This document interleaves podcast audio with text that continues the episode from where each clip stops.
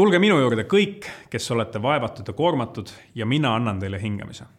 just need sõnad lausus Jeesus Kristus umbes kaks tuhat aastat tagasi ja need sõnad on minu jaoks vägagi elavad ka tänasel päeval. kui ma tunnen ennast koormatuna, siis just selle kirjakoha lugemine annab mulle hingamist ja rahu argielu keskel.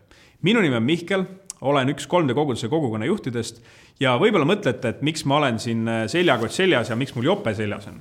räägin sellest mõne hetke pärast kui sina aga sattusid esimest korda vaatama 3D koguduse videot, siis infoks sulle.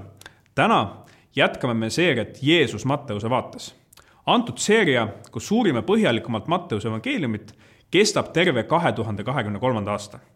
täna oleme jõudnud Matteuse evangeeliumi üheteistkümnendasse peatükki, salmid üks kuni kolmkümmend ja mis lõpeb sellega, et Jeesus kutsub koormatuid. ja just sellest, et mis koormab inimesi ja ühiskonda, ma täna teile räägingi. mis on aga koorem? Koorem oli sajandeid tagasi mõõtühik, kasutati sõnu nagu näiteks liivakoorem, puukoorem, heinakoorem või ka sõnnikukoorem. kuid EKI järgi kasutatakse sõna koorem ka piltlikustamiseks raskuste, ebameeldivate asjaolude ja murede kohta. ja seda ma usun, et Jeesus koormatute all mõtleski. inimesi, kes on raskustel. minu jaoks on koorem miski, mis takistab meil liikumast, seda nii füüsiliselt kui ka vaimulikult.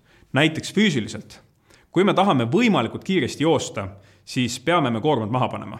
võtame näiteks kõigile teada-tuntud Usain Bolti, kes on valitsev saja meetri sprindi maailmarekordi omanik. kui tal oleks raske seljakott seljas nagu mul, ei oleks tal kaugeltki võimalik saja meetri maailmarekordit korrata. selleks, et kiireim aeg joosta, pidi ta olema parimas vormis, eemaldama kõik koormad, kõik üleliigsed riided, taskud tühjendama ja nii edasi, kõik, mis teda võis takistada mitte nagu mina, jope ja seljakotiga. saja meetri parimat aega jooksma ei ole igaüks kutsutud, küll aga on iga inimene kutsutud ühte teist võidujooksu jooksma. Hebra kaksteist üks ütleb. seepärast ka meie, kelle ümber on nii suur pilv tunnistajaid, pangem maha kõik koormav ja patt, mis hõlpsasti takerdab meid ja jookskem püsivusega meile määratud võidujooksu. meid kutsutakse jooksma meile määratud võidujooksu jumal on meile kõigile oma plaani määranud, oma võidujooksu. ta on igaühele andnud oma annid, millega teda teenida. küll aga kutsutakse meid maha panema kõik koormav ja patt, mis hõlpsasti takerdab meid. meie eludes on koormaid ja patte, mis takistavad meil jooksmast meile määratud võidujooksu. ja täna tahan ma teile avatult jagada, et milliseid koormaid olen mina enda elus kogenud ja millised patud olen mina maha pannud, et olla vähem koormatud mulle määratud võidujooksuks ma siiralt loodan, et mõni näide ehk kõnetab ka sind enda elu läbi katsuma. tuleme tagasi minu riietuse juurde. olen täna siin rääkimiseks pannud eh, endale selga veidi rohkem asju, kui vaja oleks. jope ja seljakott mu seljas iseloomustavad erinevaid koormaid, mis mu elus on olnud. kui ma kerin ajas tagasi kolmteist aastat, siis oli mu elus väga palju erinevaid koormaid. üks suurimaid nendest oli tugev narkosõltuvus. tarbisin igapäevaselt kanepit ja amfetamiini rääkimata tubakast ja alkoholist. vaatasin regulaarselt pornograafiat. olin üks koormatud ja vaevatud seitsmeteistaastane keskkooliõpilane. aga just minusugust koormatud ja vaevatud poissi Jeesus kutsus. jumal tahtis mind nendest koormatest vabastada ja see oli natuke rohkem kui kaksteist aastat tagasi, kui jumala abiga vabanesin ma nendest kõikidest eelmainitud sõltuvustest. ma sain vabaks. see oli ime nii minu kui mind ümbritsevate inimeste jaoks ma panin maha enda sõltuvused, panin maha seljakoti. samuti ma panin maha ka pornograafia ehk jope. ja mul hakkas väga palju kergem. ja sellel hetkel ma arvasin, et ma olen koormatest vaba. kuid ma eksisin, nagu näete, mul on veel riideid seljas, mul on mõned asjad ka taskutes, mul on särk, püksid. aga alates sellest hetkest ma tunnen, kuidas äh, Jumal on mind jätkuvalt järk-järgult erinevatest koormatest vabastanud aastaid tagasi profeteeriti mulle, et minu sees on üks lõvi, kes ootab, et puurist välja saada. too hetk mõtlesin, et huvitav küll, mis lõvist ja puurist ta räägib. aga nüüd aastaid hiljem saan aru, et see lõvi ongi see, kelleks Jumal mind loonud on. ent mu elus oli palju koormaid, mis hoidsid mind kinni.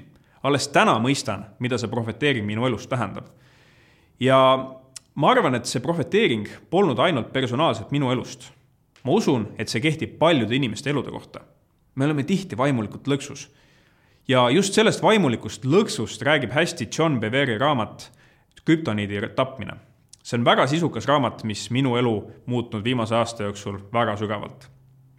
raamatu laiem idee seisneb selles, et meil on eludes vaimulikud krüptoniidid, mis takistavad meie parimal potentsiaalil esile tulemast. krüptoniit on miski, mis äh, peatab meie vaimulikke võimeid, muutes meid jõuetuks. ma olin pikemat aega tundnud, et miski hoiab mind kinni. Ma ei osanud seda tuvastada ja selle raamatu lugemine tekitas minus igatsuse eemaldada minu elust kõik, mis ma olen asetanud olulisemale kohale Jumalast. kõik selle, mis hoiab mind tagasi.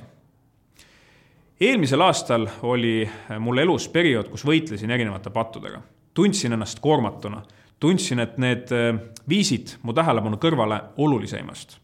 tundsin, et justkui mingi sein on ees ja peale pikemat mõtlemist ja palvetasin, palvetamist jõudsin järeldusele, et ma pean kuidagi kaardistama enda elus need valdkonnad, kus mul on kiusatusi. Need valdkonnad, mille kaudu saatan üritab mind kinni hoida. ja ma üldistatult leidsin neli valdkonda ehk neli pattu, mis pidevalt minu tähelepanu ja jõudu võtavad. ja need neli on vaid minu elu näitel. see ei ole mingi üldistatud teooria, mis kehtib igaühe kohta, küll aga ei ole need ükski midagi väga unikaalset, vaid need on üsna levinud kiusatused nii isiklikul kui ka ühiskonna tasandil Need neli valdkonda on pornograafia, sõltuvused, materiaalsed himud ja ebaterved mõtteviisid. ma räägin igaühest lühidalt natukene eraldi. esiteks, pornograafia. see valdkond laiemalt on mulle terve elu vähemal või rohkemal määral väljakutseks olnud. ja pornograafia minu jaoks ei tähenda vaid pornosaitidelt videote vaatamist. See võib tähendada ka lihtsalt mõne ilusa neiu himustamist läbi pikemalt vaatamise. mõnele tundub see süütu tegevus, kuid tegemist on koormaga mis hoiab meid Jumalast kaugel. mida rohkem seda himu toidame, seda rohkem me Jumalast eemale jääme. seda rohkem me näeme naisi objektidena, mitte inimestena. ja seda vähem me neist päriselt hoolime ja mis peamine, see viib meie tähelepanu eemale. see tähelepanu, mille me saaks panna Jumalale. ja just see ongi see, mis koormab. Me koormame oma tähelepanu millegi rüvedaga, mis ei ehita üles lähedust Jumalaga Josh McDowell, kuus, kuulus apologist, ütles alles eelmisel sügisel Tallinnas vaimulikele kõneledes, et tänapäeva koguduste suurim vähkkasvaja on pornograafia. ta kirjeldas, kuidas see eelkõige hävitab koguduse juhte ja pereisasid, neid, kellelt Jumal ootab oma rahva või perekonna juhtimist. Erinevate uuringute järgi tuleb välja, et circa kaks kolmandikku noortest meestest vaatab pornot vähemalt korra nädalas. minu jaoks üsna šokeeriv statistika aga teisalt, kui see on midagi, mis tõepoolest kõige efektiivsemalt mehi vaimulikult halvatuks teeb, siis on see ka saatana poolt oluline relv. olen ise täpselt sama kogenud, kus iganes olen ma lähedane Jumalaga ja tegemas midagi olulist tema kuningriigi ülesehitamiseks, on kiusatused kohal, selleks, et mind halvata. näiteks sellesama tänase sõnumi ettevalmistusel tundsin korduvalt, kuidas saatan üritas mu tähelepanu röövida pornograafiaga, selleks, et mind vaimulikult halvata suuremalt jaolt on pornograafia eelkõige meestel väljakutse, nii et eriti mehed, palun võtame seda tõsiselt. ärme anna ära enda tähelepanu millelegi, mis meid, meie abikaasat ega ka üles, ühiskonda üles ei ehita. teine valdkond minu jaoks on sõltuvused. Nagu enne sai mainitud, siis äh, sain erinevatest narkosõltuvustest vabaks circa kaksteist aastat tagasi arvasin, et sõltuvused on minu jaoks minevik, arvasin, et ei pea nendega enam maadlema, kuid ma eksisin. ma olin ühed sõltuvused seljatanud, kuid ei osanud oodatagi, et sellele järgnevad järgmised.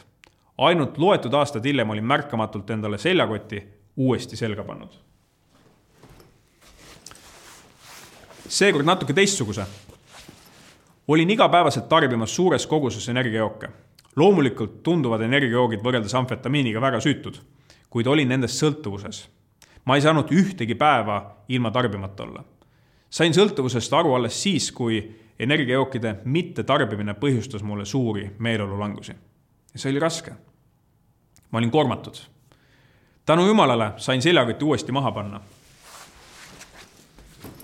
ma sain tunda vabadust. Ja sealt alates arvasin pikki aastaid, et olen sõltuvustest vaba ja ei pea enam nendega tegelema kuniks alles eelmine suvi sattusin taas märkamatult uude sõltuvusse võtsin uuesti selga seljakoti.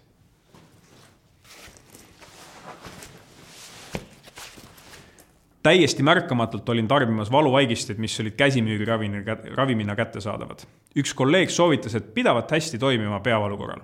Algselt kasutasin neid tugevate peavalude korral, kuid kuna ravimis sisaldus ka väiksemas koguses sellist kangemat valuvaigistit, kodeiini, siis tundsin ma, et see annab sellise kerge sumina. ei läinud palju aega mööda, kui ma võtsin seda ravimit mitte enam peavalu, vaid lihtsalt sumina pärast. ja see hetk, kui ma sain aru, et ma olen jälle sõltuvusse sattunud, tegi jõuetuks. kuigi ma panin seljakotti maha uuesti, siis tundsin ma lootusetust iseenda osas. Et kuidas ma ikka veel sõltuvustega maadlen. just samal perioodil sõitsin tööreisile Amsterdami kes teab, siis Amsterdam on kuulus eelkõige selle poolest, et seal on lubatud kanepit suitsetada legaalselt. ja Amsterdami kesklinnas jalutades kogesin midagi hirmutavat. tundes kanepi lõhna, tundsin ma mingit ebanormaalset tõmmet selle poole. seda on keeruline kirjeldada, kuid see tekitas mingit ebatervet huvi. ja see oli hirmutav kogemus. tänu jumalale midagi ei juhtunud, kuid see olukord, olukord tekitas minus sellise tugeva rahulolematuse. ma ei taha himudes põleda, ma tunnen, et need võtsid kogu mu tähelepanu. ja just selle kogemuse pealt ma otsustasin kaardistada need eluvaldkonnad, kus mul kõige suurem oht on teadlikult patustada. kuid ma teadsin, et ma olen nii nõrk, et teadvustamiseks ainult, teadvustamisest ainult jääb väheks. ma teadsin, et mu enda tahtejõust jääb väheks. ja ma otsustasin, et ma palun oma kallile abikaasale Elizabetil iga õhtu minult küsida, et kuidas mul nende valdkondadega läheb nii väldin olukorda, kus ma olen mingi patuga nii kaugele läinud, et raske tagasi tulla. ja see on aidanud. kui mul on ka mingi hetk kiusatusi olnud, siis see teadmine, et keegi sinult õhtul selle kohta uurib, aitab tagasi hoida. ja võib-olla sina, kes sa seda videot vaatad täna ja sa ei usu jumalasse ja mõtled, et miks ma ennast selliselt piinan või piiran, et miks ei võiks lihtsalt vabalt elada, miks peaks endale selliseid piiranguid seadma. Mina isikut tunnen, et selliselt ennast, ennast piirates ma just takistan kõik selle, mis mind tegelikult aheldab. ma hoian ennast, et ma ei võtaks taas koormaid enda peale. ma hoian ennast nende himude eest, mis minu potentsiaali hävitavad. kuna ma olen juba kogenud, et kõik need valdkonnad, mis sai ennist nimetatud, mõjuvad minu potentsiaalile hävitavalt. nii pornograafia kui ka sõltuvused. aga kolmas valdkond, mis sai eelnevalt mainitud, materiaalsed himud. See on uskumatu, kui palju tähelepanu need võivad võtta alati on kuskil uuem ja parem iPhone või Apple Watch või auto või korter või maja või midagi sellist. ja kõik eelnimetatud asjad on mul elus meeletult tähelepanu võtnud. ja ma näen ka, kui palju tähelepanu need asjad võtavad kogu ühiskonna keskel, kuna me elame paraku väga materialistlikus ühiskonnas, kus enamjaolt väärtuseid mõõdetakse rahas. Kuid siinkohal äh, meil on jällegi positiivne tunnistus koos Elizabethiga aastaid tagasi olid eh, enamik meie sõbrad meie ümber eh, kogumas sissemaksu, et osta endale kodu. ja kes teab, siis see pole üldse nii lihtne ja nõuab päris palju pingutamist. ja ei saaks öelda, et see on vale või halb, aga me otsustasime sellele mitte liiga palju tähelepanu panna.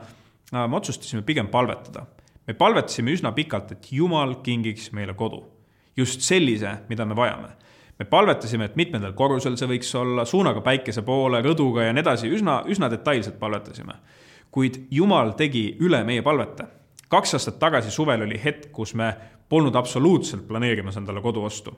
me olime kuus kuud varem isegi rahaliselt pigem üsna raskes seisus olnud. kuid äh, me märkasime ühel äh, hetkel ühte huvitavat müügikuulutust, läksime vaatama ja järgmise päeva õhtuks olime ära otsustanud, et selle kodu me endale ostame. me ei teadnud veel, kuidas kuid teadsime, et see on meie kodu.